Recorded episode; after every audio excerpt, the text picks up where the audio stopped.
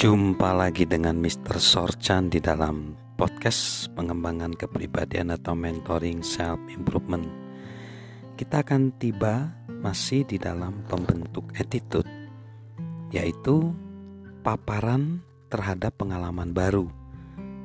Paparan terhadap pengalaman baru bagaimana ada kesempatan untuk bertumbuh. Filsuf Prancis Francois Voltaire mengumpamakan hidup seperti permainan kartu. Setiap pemain harus menerima kartu yang dibagikan kepadanya. Namun, begitu kartu itu ada di tangannya, hanya pemain itu sendirilah yang bisa memutuskan bagaimana dia akan memainkannya.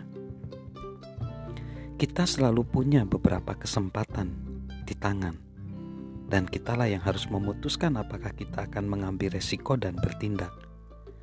Tidak ada hal lain dalam hidup ini yang di saat bersamaan menimbulkan banyak tekanan, tapi juga menawarkan banyak kesempatan untuk tumbuh dibanding pengalaman-pengalaman baru.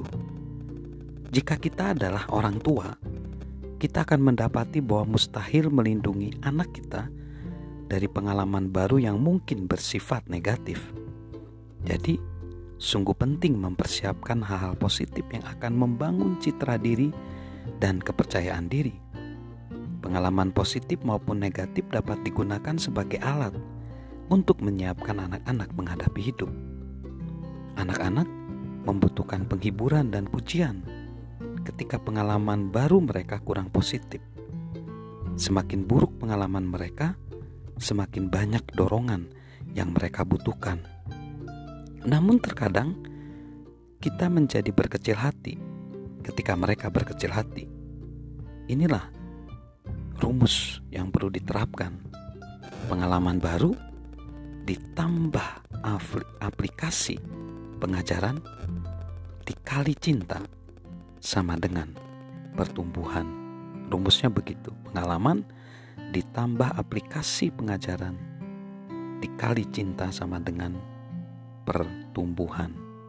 Lalu faktor lain adalah pergaulan dengan teman sebaya yang mempengaruhi kita.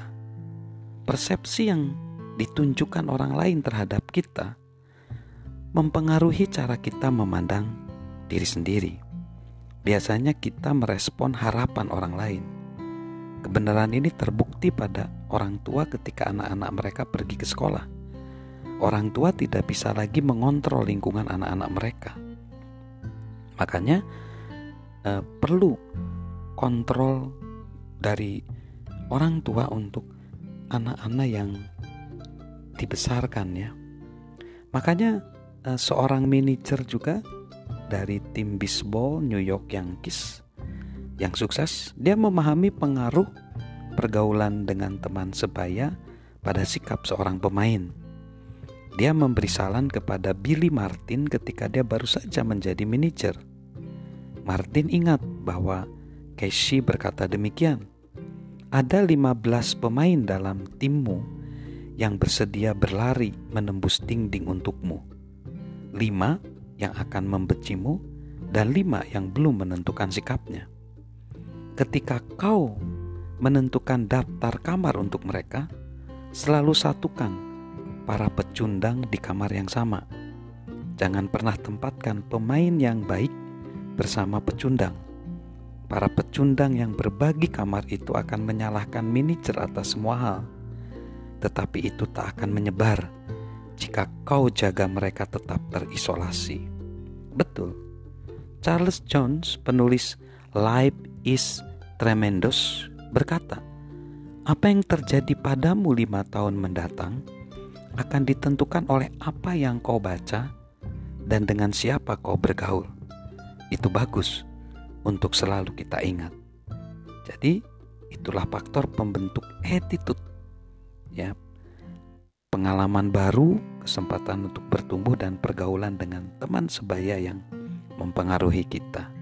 Salam good attitude dari saya, Mr. Sorjan.